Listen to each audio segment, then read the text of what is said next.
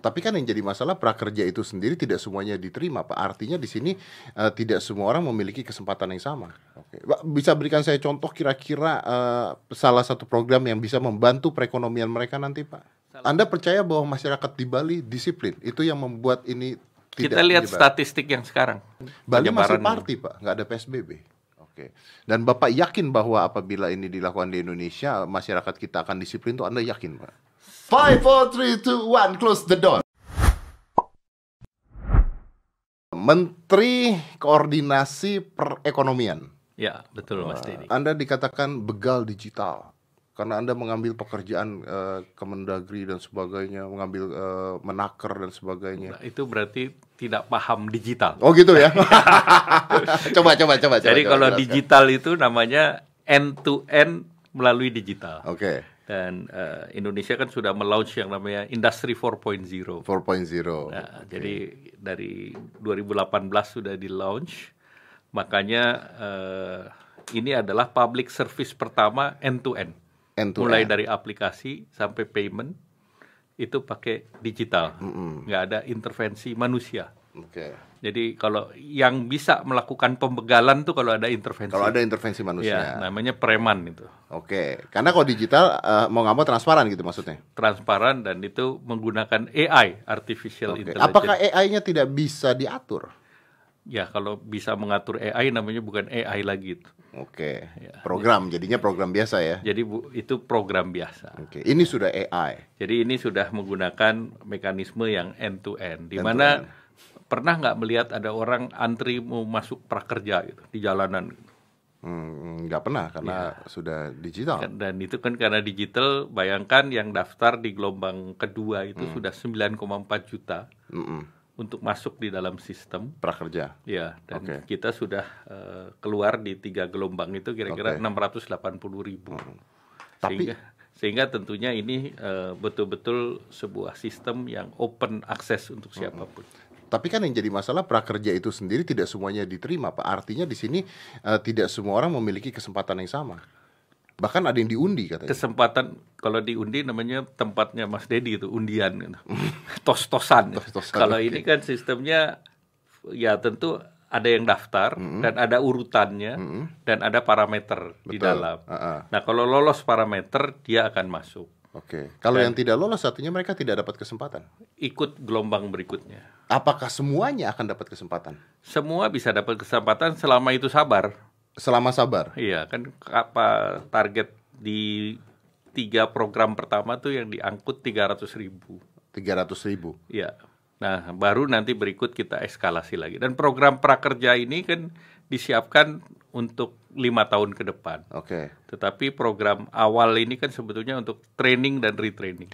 Nah, kemudian dikonversi menjadi program untuk PHK. Bagaimana untuk menyelesaikan korban PHK Tapi yang- atau yang dirumahkan. Atau yang dirumahkan. Tapi PHK per detik ini kalau saya tidak salah sudah 1,7 1,9 juta Jadi orang. data PHK dari Kemenaker yang sudah dicek sama BPJS 1,7 1,8 itu adalah yang di PHK dan dirumahkan. dan dirumahkan. Karena untuk PHK itu tidak gampang. Karena untuk PHK kan Ah, Harus keluar biasanya duit juga. selain keluar uang ada kesepakatan antara Pekerja, pekerja dan ownernya. ownernya dan Oke. biasanya makan waktu itu. Ya, kalau dirumahkan lebih gampang. Kalau ya. dirumahkan kan disuruh ada yang setengah dibayar, ada yang tidak, Tidak dibayar, dibayar. Nah, sambil menunggu situasi. Bagaimana caranya dengan tiga gelombang 300 ribu orang ini bisa menanggulangi 1,7 juta orang? Nah, itu batch-nya sampai 5-6 batch baru bisa tertampung. Baru bisa tertampung. Which Ya. is taking for how long? Ya, 5-6 minggu. 5-6 minggu? Ya. Oke. Nah Pak, ini banyak orang bertanya kenapa Bapak kok ikut-ikutan ngurusin... eh, Kalau ini penugasan, ini penugasan? ya. Kan ini sebenarnya bukannya eh, ini Menteri penugasan Tenaga di rapat di rapat kabinet. Jadi ini udah ada penugasan di rapat kabinet. Penugasan artinya dari Presiden langsung? Ya, namanya penugasan udah ada perpresnya. Udah ada Ya, Perpresnya? jadi ikut dari peraturan presiden. Nah, tapi masyarakat banyak yang bertanya-tanya, bahkan banyak punya orang yang mengkritik juga, kenapa Anda yang ikut-ikutan? Kenapa bukan Menteri Tenaga Kerjaan? Ini kan harusnya tugasnya mereka dan sebagainya. Keput atas dasar ke- keputusan apa akhirnya Bapak eh, yang dipilih untuk menangani ini? Apakah Bapak yang ter- eh, terbaik untuk menangani ini atau gimana? Ini bukan soal itu. Ini adalah public service, Public di mana service, kita sebagai pejabat publik menerima penugasan dan melaksanakan secara baik. Oke, nggak ribet Pak. Kan bukan tugas Bapak sebenarnya. Ya, kalau tugas kan semua juga tugas harus dijalankan. Ah. Mulai dari eh, mulai dari hal yang Oke. sektor real kan seluruhnya di bawah koordinasi perekonomian. Oke. Nah, eh, Salah satu tugas daripada perekonomian kan masalah employment. employment. Dan ini adalah employment retraining, reskilling. Ya, oke. Nah, eh, kenapa ketika ini menjadi sebuah penugasan dan ada keputusan presiden, eh, di berita-berita yang keluar adalah bahwa program prakerja ini ditolak oleh semua partai kecuali Golkar. Sebetulnya diterima oleh masyarakat. Diterima oleh masyarakat. Iya. Tapi ke- protes masyarakat luar biasa. Ya, Gimana bisa diterima masyarakat? masyarakat yang mendaftar 9,4 juta. Itu bukti nyatanya gitu ya. Kan kita bicara real aja, konkret aja. Karena kalau nggak uangnya hilang, Pak. Uang tidak hilang. Nah, kan tidak bisa itu uang prakerja dijadikan uang. U- prakerja itu kan mendapatkan uang bansos 600 ribu presiden mengatakan ini semi bansos Mm-mm. nah sesudah mengikuti pelatihan maka dia bisa memperoleh hak untuk mendapatkan financial support 600 ribu untuk 4 bulan Oke, setelah ikut pelatihan. sesudah ikut pelatihan Artinya bisa saja masyarakat ikut pelatihan hanya karena mau uangnya, Pak. apa pun motivasi kan bisa aja karena kita juga punya program sebesar 65 triliun untuk 103 juta itu eh, murni bansos Murni bansos. Iya, jadi, jadi, ini beda dengan terima prakerja. uang. Kalau prakerja kan eh, dari paket yang nanti disiapkan 105 triliun, nah kita dari 103 juta yang kita minta untuk ada reskilling retraining tuh 5 juta. Hmm. Di mana ini dibutuhkan untuk perekonomian ke depan. Oke. Dan juga pendaftarnya memang ternyata sesuai dengan demografi eh, apa di digital ekonomi. Mereka yang berusia 18 sampai 35 dan kemudian pendidikannya rata-rata sebagian besar SMA. Oke, tapi kenapa kalau memang seperti itu, kenapa hanya eh, Golkar yang setuju dan kenapa partai lain bisa tidak setuju? Apakah ini ada unsur politiknya juga atau gimana? Kalau unsur politik dalam kebijakan politik kebijakan itu namanya keputusan politik. Pasti ada berarti. Pasti ada. Tetapi kan itu ada di dalam Perpu. Ah. Dan Perpu semuanya setuju. Perpu semuanya setuju. Iya. Oke. Kan kemarin udah, udah diketok. Ya, ya betul. Nah, Pak, bicara tentang prakerja, sebenarnya yang mencantumkan program prakerja ini dengan apa aja yang ada di dalamnya itu siapa, Pak? Karena ini yang jadi pertanyaan masyarakat. Ya pertama program prakerja itu kan eh, janji presiden di dalam Mm-mm. pemilu. Mm-mm. Oleh karena itu kewajiban untuk dijalankan oleh pemerintah. Hmm. Nah kemudian modelnya itu sama dengan bantuan pangan non tunai.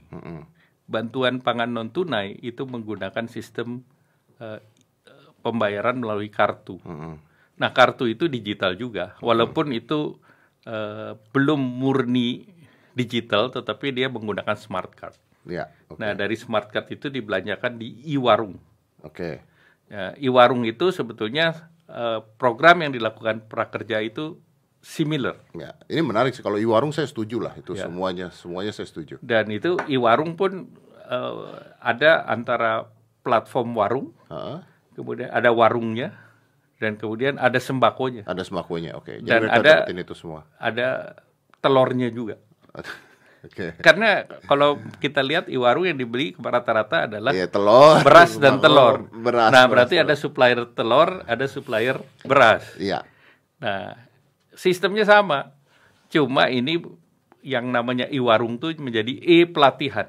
Eh, oke. Jadi Pelatihan. pelatihan karena itu. Iya. Nah, Nah, supplier berasnya sama supplier telurnya itu bentuk pelatihannya. kenapa tidak lewat pitching tapi? Loh, ini kan bukan pengadaan, Ini bukan pengadaan. bukan pengadaan. Artinya menguntungkan dong satu pihak yang mana eh, memberikan pelatihan tersebut. Ini kan bu- pelatihan ini bukan soal untung dan rugi, Tapi karena ada uangnya, Pak. ini semi bansos.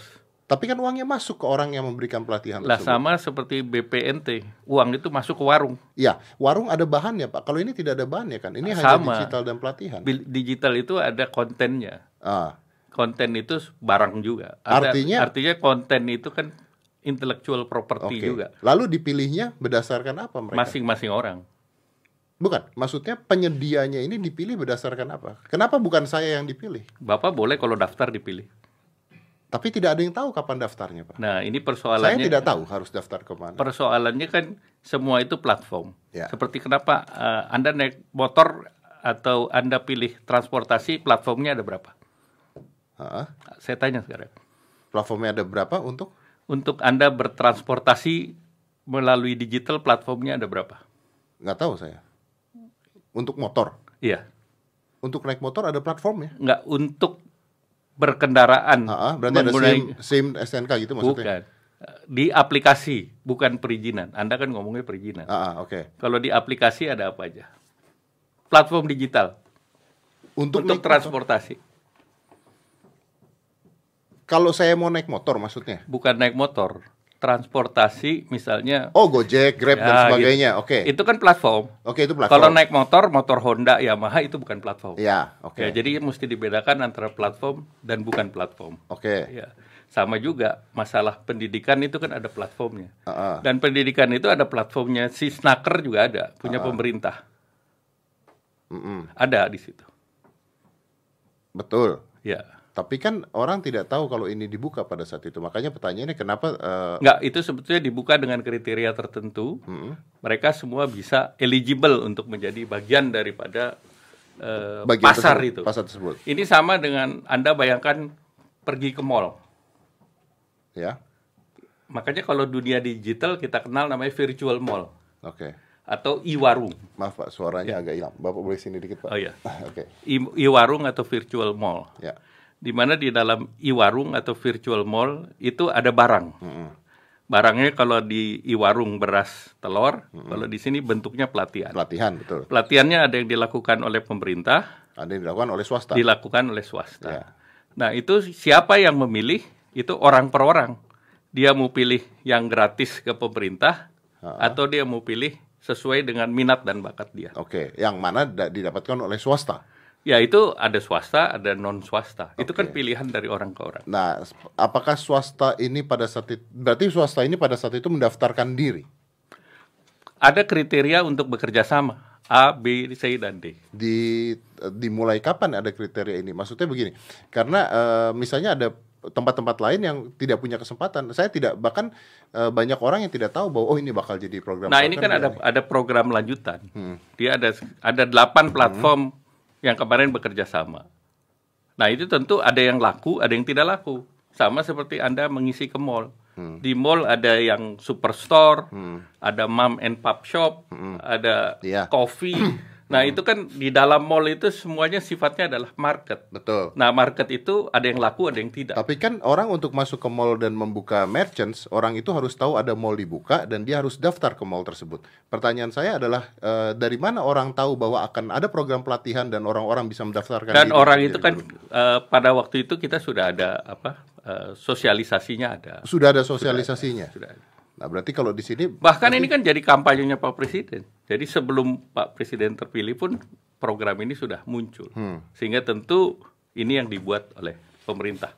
Artinya kalau di sini mungkin yang bisa saya katakan Pak, kalau misalnya saya mau memprotes di sini yang saya katakan adalah eh, pe- pensosialisasiannya ini yang agak berkurang. Karena seperti pajak. Pajak ini kan sebenarnya sudah ini kan sesuatu yang dinamis.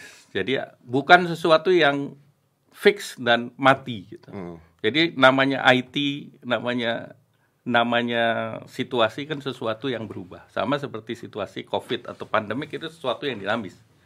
Datanya setiap hari berubah. Apakah saat ini masih ada kemungkinan untuk orang-orang untuk mendaftarkan diri menjadi pelatih di situ? Atau sudah tutup? Mungkin saja. Ini kan namanya seperti di virtual mall, toko yang laku dia tutup, toko baru akan datang. Bapak baca berita yang terakhir-terakhir keluar eh, kan eh, meributkan ruang guru karena ini katanya dari Singapura dan dari mana dan akhirnya kenapa Kalau kita mereka bicara, kita bicara kembali lagi di dunia digital ada yang namanya fintech. Hmm. Nah, fintech itu salah satu investornya banyak dari luar negeri. Oke. Apakah itu Alibaba, apakah itu Masayoshi Son. Jadi tentu kita harus melihat dalam konteks Tidak ada masalah intinya. dalam konteks fintech. Fintechnya, oke. Ya, kita bicara banyak platform, kita bisa teliti satu persatu fintechnya banyak. Jadi kita tidak bisa apa menyamakan eh, digital ekonomi dengan brick and mortar. Hmm. Kalau brick and mortar itu melalui BKPM, Ya. kemudian investasinya ah berapa dan sebagainya. Oke. Tetapi kalau digital ekonomi kan ada pendaftaran juga. Ada yang misalnya kalau e-payment dan yang lain melalui BI. Jadi ada regulasinya. Ada juga. regulasinya. Ya. Ya. Oke, baik Pak. Ini yang jadi masalah lagi di sini yang diprotes sama orang-orang adalah pelajaran atau uh, pendidikan yang diberikan di sana adalah konten-konten YouTube. Pertama, konten itu semula untuk training dan retraining.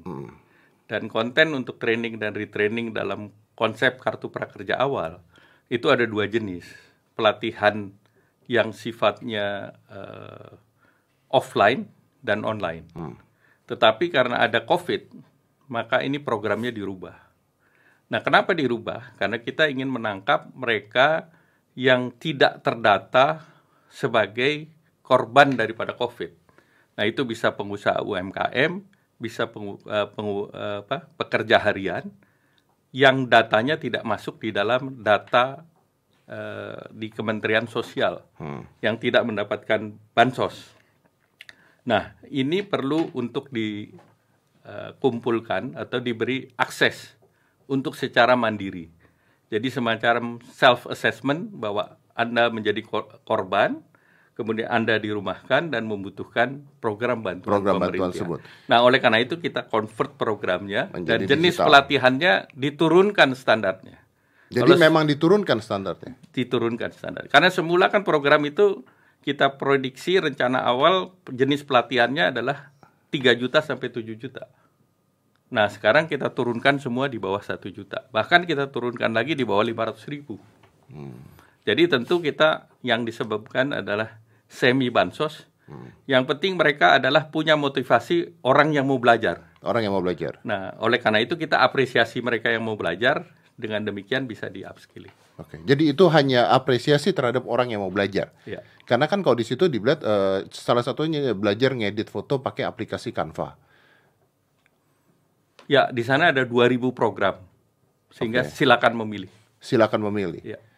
Dan ada program-program yang sebenarnya berarti ada yang tidak ada yang milih sama sekali juga ada tidak masalah di situ. Kalau tidak dipilih dan tidak mengikuti program, tidak bisa mendapatkan semi bansos.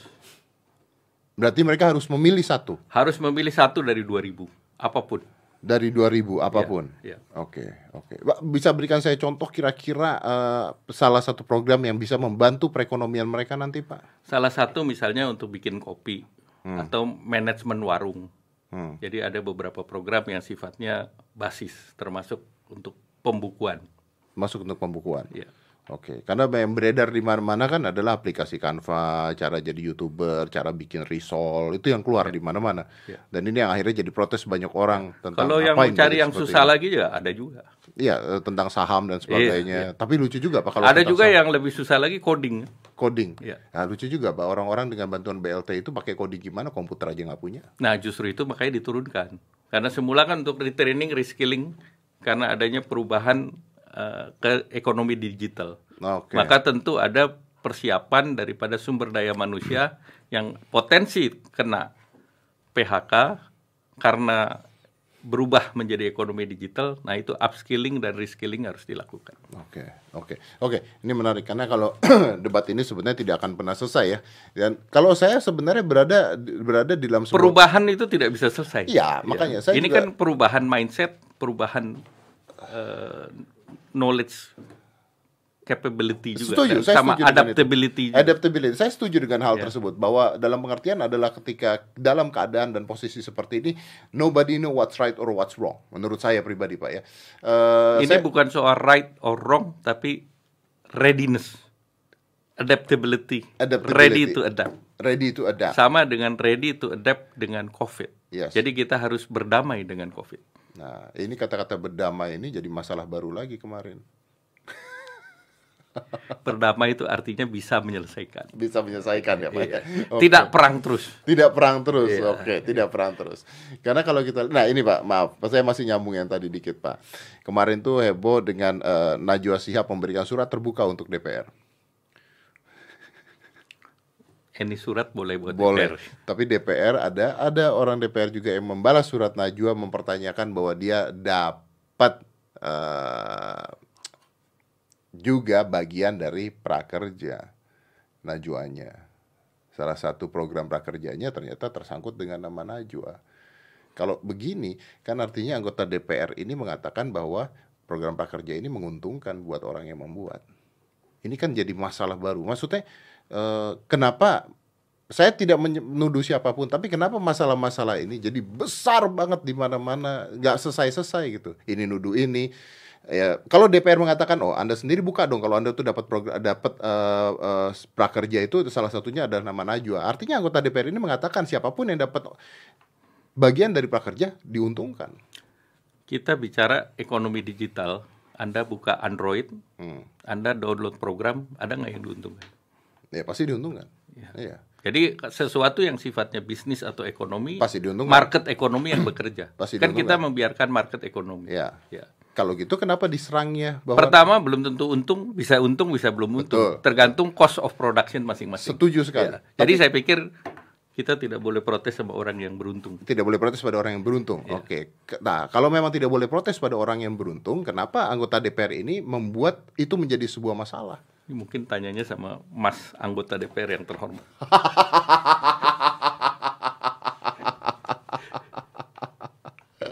iya benar benar benar benar. Tapi ini menarik sekali. Kalau saya bicara seperti ini, Indonesia ini sekarang kalau di sisi ekonominya, apakah mungkin kita akan cetak uang, Pak?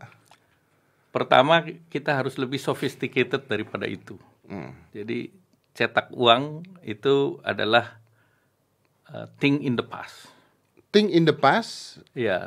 Think in the past or last option? Think in the past pada waktu 1966. Mm -mm.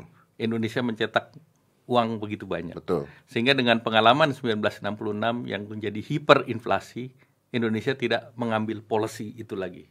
Oke. Okay. Tetapi yang sekarang dikenal adalah yang namanya quantitative easing. Hmm. Apa itu, Pak? Quantitative easing adalah pelonggaran melalui surat berharga. Hmm.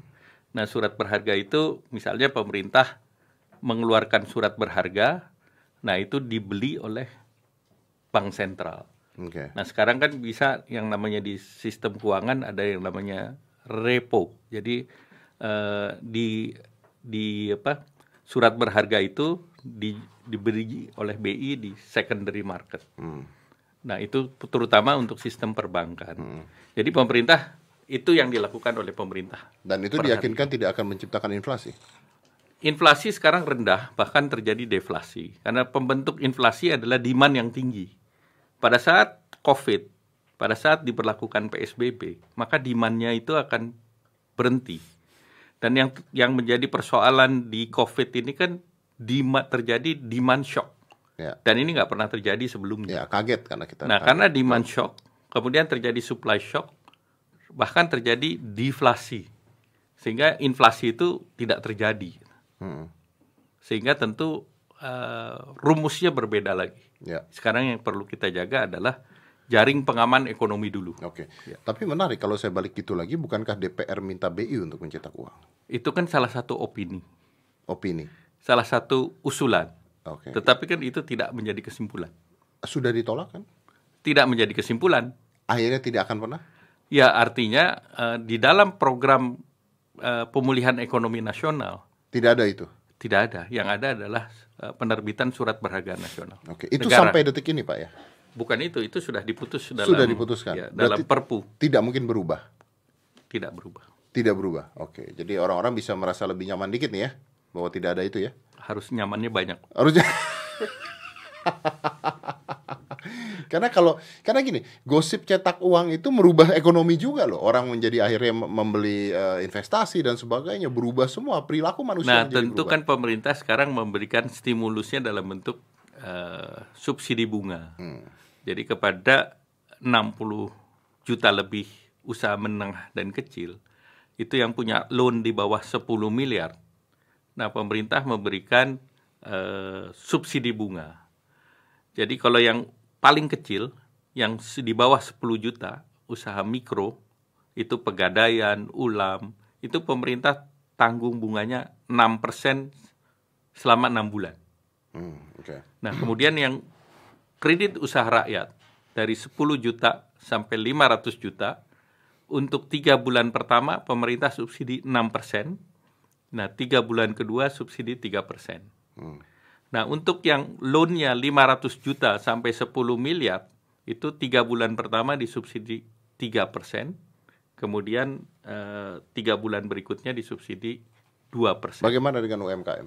Nah itu UMKM semua pak, Oh, yang di bawah 10 miliar Di itu bawah namanya 10 UMKM. miliar. Ya, tapi kan itu UMKM ada berapa tipe, Pak? Ada UMKM yang eh, tidak ada dana seperti itu dan dia Tadi kan saya sudah bilang di bawah 10 juta rupiah. di bawah 10 juta rupiah. Ya, Oke. 10 juta rupiah itu pegadaian, Wah, ulam, mikro. Nah itu diberikan subsidi 6% selama enam bulan. 6% selama 6 bulan. Iya. Oke. Nah terus yang mikro kedua kan dari 10 juta sampai 500 juta. Hmm. Nah itu kreditnya diberikan 3 persen, 6 persen 3 bulan, 3 persen 3 bulan. Hmm. Nah yang agak besar, yaitu yang 10, yang 500 juta sampai 10 miliar. Nah itu diberikan yang 3 persen 3 bulan, 2 persen 2 bulan. Oke. 3 bulan juga. Oke ini menarik. Pada tahun 2008 eh, mortgage crisis eh, Ya. pastinya. Ya. Ini kan berbeda dengan saat ini. Kalau eh, dulu sebenarnya UMKM itu diuntungkan. Jadi memang krisis 98, krisis 2008 Beda tuh epicentrumnya beda. dengan ini sekarang Iya, ini. kalau di 2008, eh 98 yang terkena tuh beberapa negara termasuk Indonesia, beberapa negara ASEAN, Thailand dan yang lain. Negara lain ekonominya sangat sehat. Sehingga pada waktu itu Indonesia eh, terutama UMKM yang ekspor itu diuntungkan. Diuntungkan karena Iya. kita bisa jual keluar. Oke. Ya, sehingga waktu itu krisisnya di financial sehingga sektor real kena. Betul. Orang bangun tidur tahu-tahu utangnya nambah empat kali. Nah kalau dia nggak bangun-bangun dia nggak nambah. Iya. Nah, jadi itu yang terjadi itu. Iya. Nah makanya pada waktu itu restructuringnya besar. Itu dua- eh, 98 sampai 2004. Di tahun sem- 2008 subprime mortgage itu epicentrumnya di Amerika. Betul. Sehingga kena ke kita itu hanya kena kekhawatiran. Khawatiran saja. Iya, jadi lebih kepada market sentiment dan investor global itu semuanya jittery terhadap subprime mortgage berapa Iya. dalam. Iya. Bahkan bank-bank di Amerika kan di bail out. Bahkan pabrik di Amerika pun di bail out. Ya, karena pada saat itu bank-bank malah memberikan pinjaman-pinjaman terhadap perusahaan-perusahaan Ya. besar. Dan kita untungnya waktu itu tidak punya regulasi yang secondary mortgage itu belum ada. Belum ada. Oke. Ya, jadi kita nggak ikutan. Kita nggak ikutan. Ya, tetapi dampaknya kan karena sentimen di capital market. Ya. Sampai market kita di stop. Ya. Nah, yang sekarang masalahnya kan di kesehatan. Di modal kita yang kena. Karena kita modalnya adalah human capital. Hmm. Nah, human capital yang kena, maka ini lebih parah. Tetapi ini juga kena di negara-negara lain. Ya, sama semuanya. Semuanya. Oke. Sehingga terjadi demand shock. Ya. Bayangkan eh, BBM aja kebutuhan demandnya hilang 25 juta barrel oil per day. Sehingga harga minyak kemarin sampai di bulan April turun sampai minus di pasar forward. Kemudian seluruh komoditas turun karena memang demand dunianya juga turun. Turun, betul. Nah, sehingga tentu kita melihat bahwa human capital problem ini yang tentunya harus diselesaikan dengan kesehatan yang pertama. Nah, yang kedua yang pemerintah harus jaga adalah eh, daya beli masyarakat dengan bansos yang diturunkan sebesar 110 triliun. Nah, ini untuk menjaga daya beli. Nah, yang ketiga baru jaring pengaman sektor ekonomi. Ekonomi. Nah, kalau sektor ekonominya aman, maka sektor keuangannya aman. Tetapi kalau ini enggak kan bisa jadi sektor keuangan yang kena. Ya, dan saat ini kan UMKM yang paling kena. Saat ini berbeda dengan yang lalu, yang kena duluan adalah UMKM. UMKM, betul. Nah, inilah yang sekarang pemerintah konsentrasi lebih dulu. Tapi justru saat ini sebenarnya kalau kita mempermudah faktor ekspor harusnya kita bisa berhasil. Yang kedua, kita lihat bahwa seluruhnya itu butuh eh, sektor yang terkait dengan kesehatan. Jadi misalnya mas- A- APD, masker itu bisa dibuat oleh usaha kecil dan menengah. Ya. Kemudian makanan minuman, Ya. karena selama eh, ini itu sektornya yang tidak turun. Hmm. Nah kemudian sektor fitofarmaka, ya jamu-jamuan lah. Hmm. Nah karena vitalitas, imunitas menjadi kunci, maka ini punya potensi. Hmm. Nah ini industri-industri ini di tengah situasi ini punya potensi untuk diekspor. Nah ini yang sekarang pemerintah konsentrasi karena memang ada winner, ada loser, dan tentu ada yang berdampaknya sekarang 70% seperti para wisata. Tetapi kita harus melihat cara penanganan daerah-daerah yang berbeda. Jadi kita melihat ada yang melakukan PSBB seperti empat provinsi, eh, kemudian ada yang tidak. Nah kalau kita lihat yang tidak, seperti misalnya Bali atau Jawa Tengah, itu juga mereka bisa menekan uh, penyebaran daripada COVID juga. Sehingga tentu local wisdom ini penting agar uh, socio-ekonominya masih bisa bertahan. Oke. Okay. So nah, you, ini yang dilakukan. So you are thinking about this PSBB worth it or not? Worth it untuk memotong uh, rantai penyebaran virus. It untuk memotong rantai. Tapi kan tadi Bapak sendiri mengatakan ada daerah-daerah yang tidak melakukan PSBB dan still work. Tergantung tergantung mekanismenya. Bisa nggak mereka mere, melokalisir hmm. persoalan? Tentu setiap negara, setiap daerah berbeda. Okay. Seperti antara ibu kota, kemudian Jawa Tengah, Jawa Timur, Jawa Barat, hmm. Bali, Kepri, hmm. itu pendekatannya okay. berbeda. Baik, very interesting.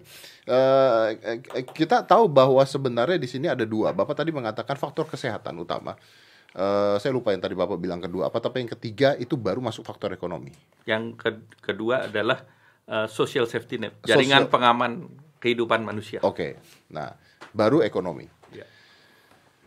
Jadi untuk pemerintah saat ini uh, tet, uh, masih uh, bukan masih uh, mengatakan bahwa uh, keselamatan manusia, kesehatan ini paling utama. Itu ya? yang nomor satu. Nomor satu. Yeah. But we do understand bahwa ketika ekonominya hancur dan sebagainya, maka akan ada datang lagi hal yang lebih parah dibandingkan virus. Nah, yang kedua yang kita cegah adalah jangan terjadi bencana PHK. Oke. Okay. Karena sudah itu terjadi, Pak. livelihood of human being. Ya, yeah, but it does yeah. happen sudah terjadi. Ya itu ber, ber, terjadi di seluruh dunia. Oke. Okay. Ya, semua kan terjadi. Lalu Yang paling penting adalah mitigasinya, pencegahannya. Hmm. Nah, pencegahannya tentu pertama pakai jaring pengaman sosial. Hmm. Mereka yang kena kita berikan bansos. Hmm. Nah, yang kedua, bagaimana kehidupan ekonomi ini tetap bisa berjalan. Hmm jadi seperti di Amerika misalnya Elon Musk saja sudah mau menuntut gubernur California kalau pabrik dia diberhentikan. Ya. Bahkan beberapa negara lain minta supaya buka pindah pabriknya. Hmm. Nah kalau di Indonesia di dalam Permenkes itu ada beberapa sektor yang bisa dibuka, termasuk objek vital nasional, kemudian terkait dengan uh, produksi yang terkait dengan pangan, terkait dengan APD dan industri yang esensial. Oke. Okay. Nah, tentu ini di, diperlukan untuk mencegah uh, PHK. PHK. Nah, tetapi kita juga tahu bahwa sekarang demand dunia pun turun. Hmm. Sehingga tentu bagaimana pemerintah memberikan tambahan stimulus dalam bentuk bentuk kredit modal kerja. Nah, untuk tahap awal kredit modal kerja untuk usaha menengah dan kecil agar mereka bisa tetap berproduksi. Tetap berproduksi atau untuk rebound nanti? Berproduksi dan rebound. Berproduksi dan rebound. Ya. Okay. Karena kalau tanpa modal kerja mereka nggak bisa, bisa produksi. Berarti faktor ekonomi di sini ditaruh terakhir. Ditaruh di tengah, tidak terakhir. Karena di terakhir ini faktor jaringan pengaman sistem keuangan. Oke. Okay. Itu ada lagi. Oke, okay. saya ya. saya saya setuju sekali dengan uh, pemikiran Bapak. I'm agree with whatever you say. Tapi tapi kan faktanya, Pak, kita tidak pernah tahu pandemi ini kapan kita sudah punya beberapa uh, prediction. Oke. Okay. Prediction itu dilakukan baik itu oleh epidemiologi, uh, para mathematician, uh, uh, dan dari berbagai perguruan uh, tinggi. Nah, mereka memperkirakan kalau slope-nya sudah mulai turun, maka ini bisa mulai bekerja kembali. Uh, Dan itu Indonesia juga bisa melihat pengalaman negara-negara lain. Uh, Kita lihat kalau di Asia, China, Korea, dan rumus mereka adalah tes, tes, dan tes. Jadi semakin banyak tes. Kemudian kita juga lihat beberapa negara Eropa sudah mulai. Sehingga new normal itu sudah ada modelnya. New normal sudah ada modelnya. Misalnya uh, pergi ke mall, dibatasi kuota jumlah orangnya. Kemudian semua new life harus pakai masker, harus sering cuci tangan, harus uh, kemudian juga antrian harus punya jarak sehingga new normal ini harusnya di, bisa dipraktekkan. Hmm, Oke. Okay. Karena kalau kita bicara misalnya restoran dine in misalnya, kalau sekarang kapasitasnya 100%, mungkin tahap awal 30%. Karena itu sangat berpengaruh terhadap value chain-nya. Tidak ada dine in maka yang jual sayur mayur ini tidak ada demand. Hmm. Seperti kemarin uh, pemerintah menugaskan berdikari untuk menyerap produksi daripada ayam. Karena ayam tidak sepenuhnya diserap, maka dia ditaruh di cold storage dulu. Karena biar bagaimana kan petani ini ada waktu panennya. Ya, betul, betul. Jadi ini yang kita mau jaga juga supaya seluruh value chain ini tetap bisa bekerja. Uh, baik, sebelum uh, sebelum antivirus ini atau vaksin ini ketemu, artinya uh, kita hanya bisa melakukan apa yang terbaik dalam hal yang terburuk dong. Semua the best possible. The best possible. Option. What yes. if gelombang duanya terjadi? Are we gonna close this again? Is this the dance we do? Yang kita lihat yang secondary gelombang kedua kan kita juga pelajari. Nah, gimana? Nah, tentu itu? kuncinya adalah trace and tracking. Mm -hmm. Jadi selama trace and tracking mm. dan uh, availability dari hospital. Oke. Okay. Jadi kalau itu semua ada, itu bisa di track. How could you, Pak, di Indonesia menerapkan hal ini, trace and tracking, PSBB, jaga jarak dan sebagainya dengan sifat-sifat orang Indonesia? Kemarin McD rame, Pak. Jadi kita lihat kalau McD ini kan urusannya mau ditutup, Jadi ada ada sentimental value. Banyak pasangan lahir di McD. Iya. nah kalau kita lihat masyarakat Indonesia bisa disiplin. Contohnya di Bali. Hmm. Bali menetapkan desa adat, hmm. sehingga betul-betul mereka kontrol. Desa adatnya. Seluruh Bali kan terdiri dari berbagai desa adat. Iya. Nah dengan Tapi disiplin yang mana pak di Bali pak? Di Bali ternyata kan kalau kita lihat jumlah uh, mortality rate-nya paling kecil di Indonesia. Okay. Kemudian juga artinya uh, penyakit migran hmm. itu relatif rendah. Padahal Bali menjadi salah satu sentrum untuk uh, pekerja migran ataupun pelaut yang pulang hmm. dari negara lain. Hmm. Tapi dengan disiplin itu relatif tidak terkena uh, outbreak yang besar di Bali. Mm. Jadi itu salah satu pembelajaran bahwa kita bisa disiplin. Oke, tapi kan itu terjadi karena Bali saat ini ditutup, Pak. Seluruh dunia menutup, tetapi kan Bali masih pada saat kita tutup masih banyak uh, turis-turis yang ada di sana yang tidak bisa pulang. Mm -hmm. Tetapi ini relatif terkendali juga. Relatif terkendali. Ya karena mereka disiplin. Karena masyarakatnya dalam tanda petik disiplin. Anda percaya bahwa masyarakat di Bali disiplin? Itu yang membuat ini tidak Kita lihat statistik yang sekarang. Eh, statistiknya kan bukan karena disiplin ya Pak, karena tidak banyak orang yang terkena lagi. Tetapi kan kalau tidak disiplin orangnya keliling yang PDP kan Bali masih party Pak, nggak ada PSBB. Ya memang justru saya mengatakan bahwa karena tidak ada PSBB mereka masih karena ada kedisiplinan di masyarakat adat, maka ini bisa mengendalikan COVID-19. Bisa mengendalikan. Jadi Bali menjadi contoh gitu. Salah satu Salah contoh. satunya. Kan kita tadi saya katakan, hmm. Tiap daerah berbeda. Salah satu Jawa Tengah. Kita lihat pasar di Jawa Tengah yang social distancing, pasarnya di jalanan hmm. dengan jarak tertentu. Hmm tetapi yang saya katakan local wisdom ini penting. Tentu tidak bisa di apa yang dilakukan di Salatiga tentu tidak bisa dilakukan di Jakarta. Hmm. Tetapi ini menjadi salah satu contoh local wisdom yang bisa Artinya menyelesaikan. tergantung dari pemerintah daerah masing-masing. Memang pemerintah daerah mempunyai peran sangat penting untuk menangani COVID-19 ini. Karena mereka yang tahu perilakunya sebagainya. Karena mereka yang punya masyarakatnya dan punya bisa kontrol langsung ke masyarakat. Hmm, Oke, okay, baik. Oke, okay, baik. Saya uh, menarik sih kalau dikatakan seperti itu karena artinya setiap daerah memiliki jalannya sendiri-sendiri. Uh, dan kita lihat juga kadang-kadang ada yang berhasil, ada yang tidak juga di sana. Dan juga uh, penting untuk melihat bahwa ini bisa levelnya turun sampai RT RW. Hmm. Jadi hmm lokalisir seluruhnya bisa dilokalisir. Seluruhnya bisa dilokalisir. Ya. Oke. Okay. Dan Bapak yakin bahwa apabila ini dilakukan di Indonesia masyarakat kita akan disiplin itu Anda yakin, Pak? Saya yakin karena ini adalah uh, apa namanya? resikonya kepada masyarakat ma masyarakat itu okay. sendiri. Sehingga tentu masyarakat sekarang knowledge mengenai Covid itu mungkin 90%. Hmm. Dan resikonya juga mereka sudah aware.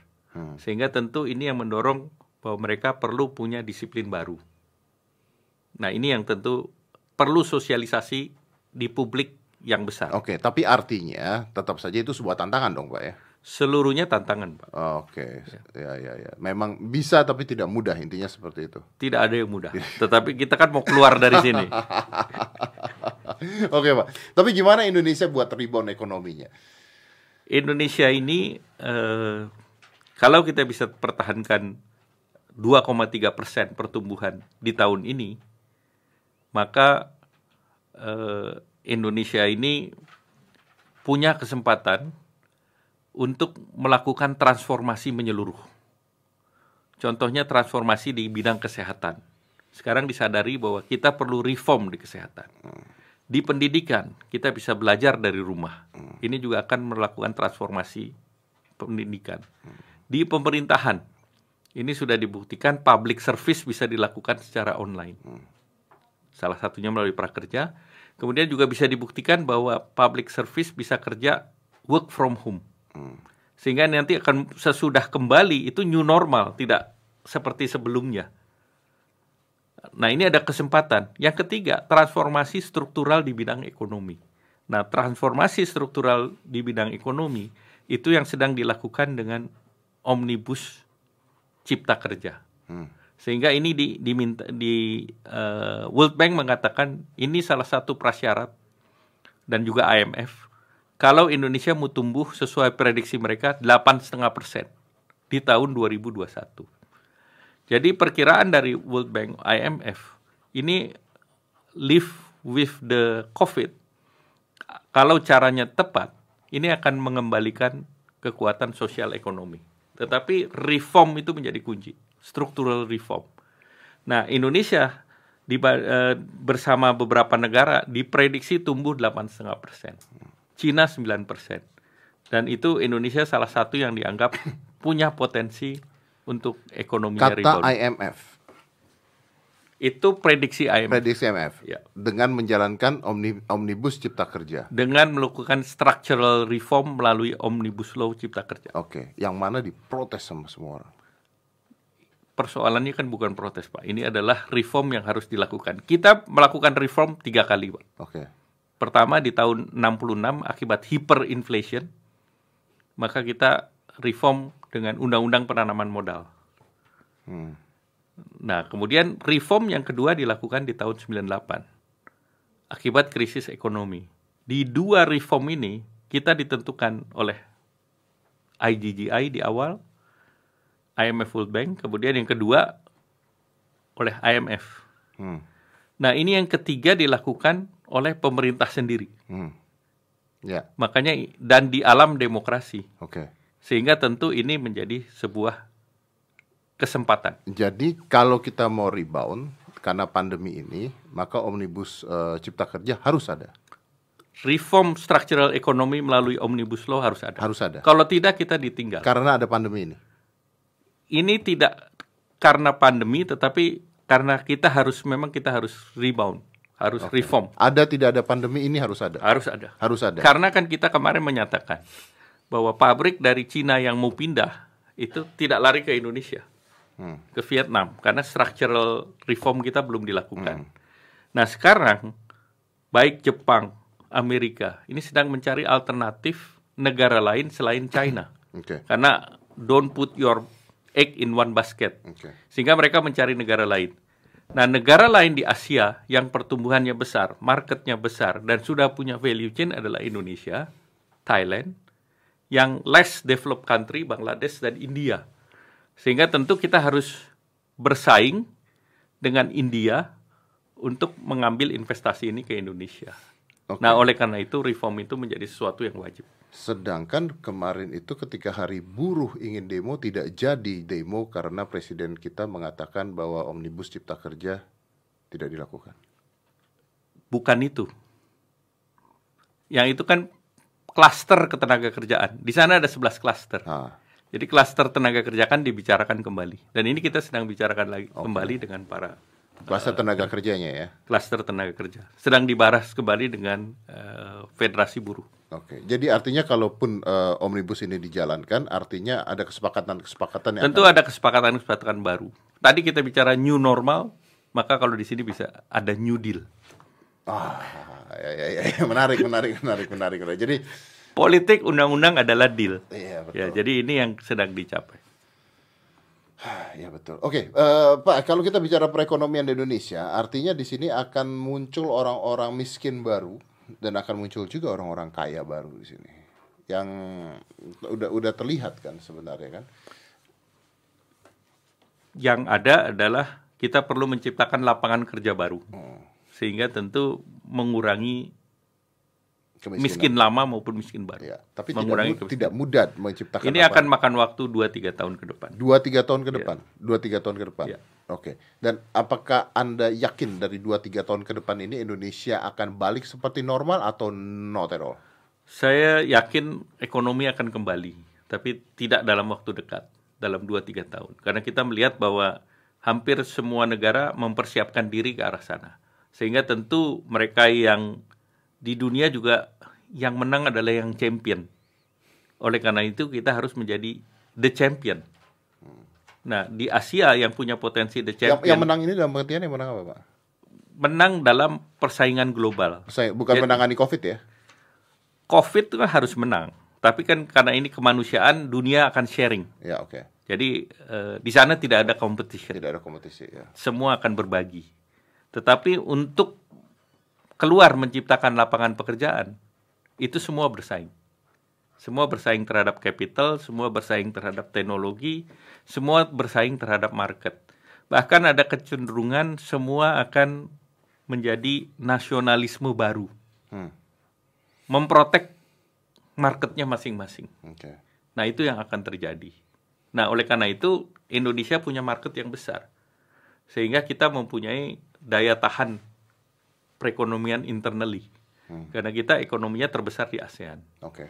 Dan tetapi kita juga punya value chain terhadap Korea, terhadap Jepang yang Korea dan Jepang berkepentingan agar value chain ini diperkuat. diperkuat. Dan Amerika pun punya kepentingan agar ada negara di ASEAN yang punya kekuatan ekonomi menjadi penyeimbang. Oke. Okay. Secara geopolitik. Secara geopolitik. Oke, okay, Pak. Uh, begini, Pak. Uh, podcast kita ini akan didengarkan dan di-share oleh jutaan orang di Indonesia. Dan kebanyakan adalah orang-orang yang nge-share yang mendengarkan podcast kita ini adalah orang-orang yang di usia kerja, di usia orang-orang yang mencari um, nafkah sebenarnya. Apakah uh, mereka saat ini bisa tenang? Kunci untuk keluar dari krisis adalah kita semua tenang, jangan panik. Dan perkuat resources masing-masing dan juga uh, lihat opportunity yang timbul. Nah, salah satu yang pemerintah akan dorong besok juga akan di-launch bagaimana kita meningkatkan di dalam work from home ini kan ekonomi digital ini naik. Nah, gimana ini didorong lebih banyak lagi usaha menengah dan kecil untuk memanfaatkan digital platform. Nah, ada satu yang uh, kita juga akan lihat bahwa di sektor produksi kan industri 4.0 itu menjadi sesuatu yang diperlukan. Sehingga tentu untuk yang muda, nah ini kesempatan untuk melakukan retraining ya. agar kebutuhan pekerjaan pasca COVID ini akan berbeda dengan sebelum COVID. Ya. Sehingga tentu ini ada kesempatan untuk menyesuaikan. Gimana dengan yang miskin dan, dan tidak punya pengetahuan dan yang tidak Nah, ini tetap itu. pemerintah menyiapkan yang labor intensive, ah, okay. sektor konstruksi, kemudian program-program padat karya. Kemudian kita akan merevitalisasi sektor pertanian, mencetak sawah baru misalnya. Walaupun sawah baru itu dicetaknya direncanakan di Kalimantan Tengah. Oke, okay.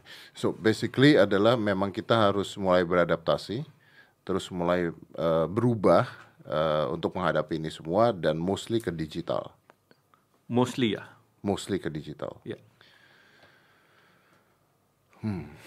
Saya tuh sebenarnya nggak suka mendengarkan kata new normal karena kalau kata new normal tuh artinya kayaknya kita pasrah, kayaknya kita nggak akan balik-balik gitu sebenarnya. Tapi new normal itu sebuah tertib baru. Tertib baru. Ya, kalau kamu new normal ya tertib baru. Jadi lifestyle kita berubah. Lifestyle kita berubah. Ya. Nah, sampai nanti penyakit COVID itu menjadi penyakit yang seperti flu biasa. Ya. Nah, Tapi itu ya- baru bisa menjadi. Tapi I think kalau penyakit COVID sudah menjadi seperti penyakit flu biasa, sudah berubah manusia-manusianya juga. Sudah berubah juga karena kita harus punya awareness baru dan eh, apa? Kehati-hatian yang baru. Oke, oke Pak, terima kasih. Ini sebelum saya tutup, eh, satu pertanyaan.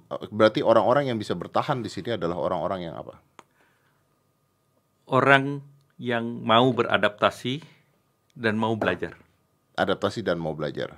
Ya. Dan tentu yang tawakal. Dan tentu itu yang tawakal. Dan orang-orang yang eh, maaf dengan pengetahuan ilmu yang rendah, miskin dan sebagainya menjadi tanggungan pemerintah. Pemerintah menyiapkan. Tugas pemerintah adalah memberi kesempatan kepada semua warga negara untuk mendapat hidup yang layak. Oke, Oleh karena itu pemerintah mensupport melalui eh, bansos yang banyak. melalui bansos yang banyak. Ya. Oke. Oke, Pak, terima kasih banyak nih, menarik nih. Ada yang mau disampaikan terakhir, Pak? Ya terakhir tentu kepada seluruh yang mengikuti ini optimisme itu menjadi penting karena kalau kita mau keluar dari segala persoalan kuncinya adalah optimisme. Apakah Bapak masih optimis, Pak? Saya selalu optimis. Ditimpa masalah ini? Ini bukan masalah yang nimpa, ini tantangan yang ada di hadapan kita. Kalau ditimpa kita sudah rontok, tapi kita tidak kena ditimpa. Kita cari jalan keluar. Jalan keluar selalu ada. Iya, tapi eh, menariknya adalah karena ini the whole world ya, Pak ya. Ya, aduh. Kalau Indonesia doang kayaknya stresnya lebih gede nih. Karena satu dunia ya stresnya tambah gede, tapi ah Kita sudah sama-sama gitu. kan. pengalaman melalui beberapa krisis dan kondisi modal awalnya sudah berbeda. Jadi modal awal di tahun ini itu berbeda dengan di 2008 dan berbeda di tahun 98. Kondisi sekarang kita perbankan kita relatif solid. Sehingga tentu ini diharapkan perbankan bisa menjadi eh, ventilator untuk menyelamatkan perekonomian. Oke, Pak, baik, terima kasih. Selamat bertugas. Mudah-mudahan di tangan Bapak ini bisa menjadi lebih baik lagi. Dan saya tahu juga akan banyak orang yang protes juga, masih eh, masih ngomong juga. Saya rasa is okay. Kritik is always okay untuk pemerintah kita. Karena kalau kita nggak berkritik juga, ya kan memang eh, pemerintah bekerja mendengarkan masyarakatnya juga. Saya percaya hal tersebut. Tapi memang eh, saya sendiri mengerti bahwa dalam keadaan seperti ini tidak ada satupun pemerintah di dunia yang siap menghadapi ini. Tidak ada satupun Amerika aja yang katanya negara adidaya seperti itu berantakan kok ngadepin hal seperti ini. Eh, mungkin Indonesia jauh lebih baik. Sebenarnya Indonesia tuh jauh lebih baik dibandingkan Amerika. You know, homeless di Amerika sudah ada di mana-mana sekarang. Keleleran di jalanan. Kita masih nggak ngeliat hal tersebut di Indonesia. Jadi mudah-mudahan ya eh, pemerintah kita bisa bisa eh, menjalankan ini dengan baik, memberikan optimisme yang besar buat masyarakat dan saya yakinlah Indonesia bisa. Begitu, Pak? Terima kasih. Salam sehat semua. Salam sehat semua itu yang paling penting saat ini. Five, four, three, two, one, close the door.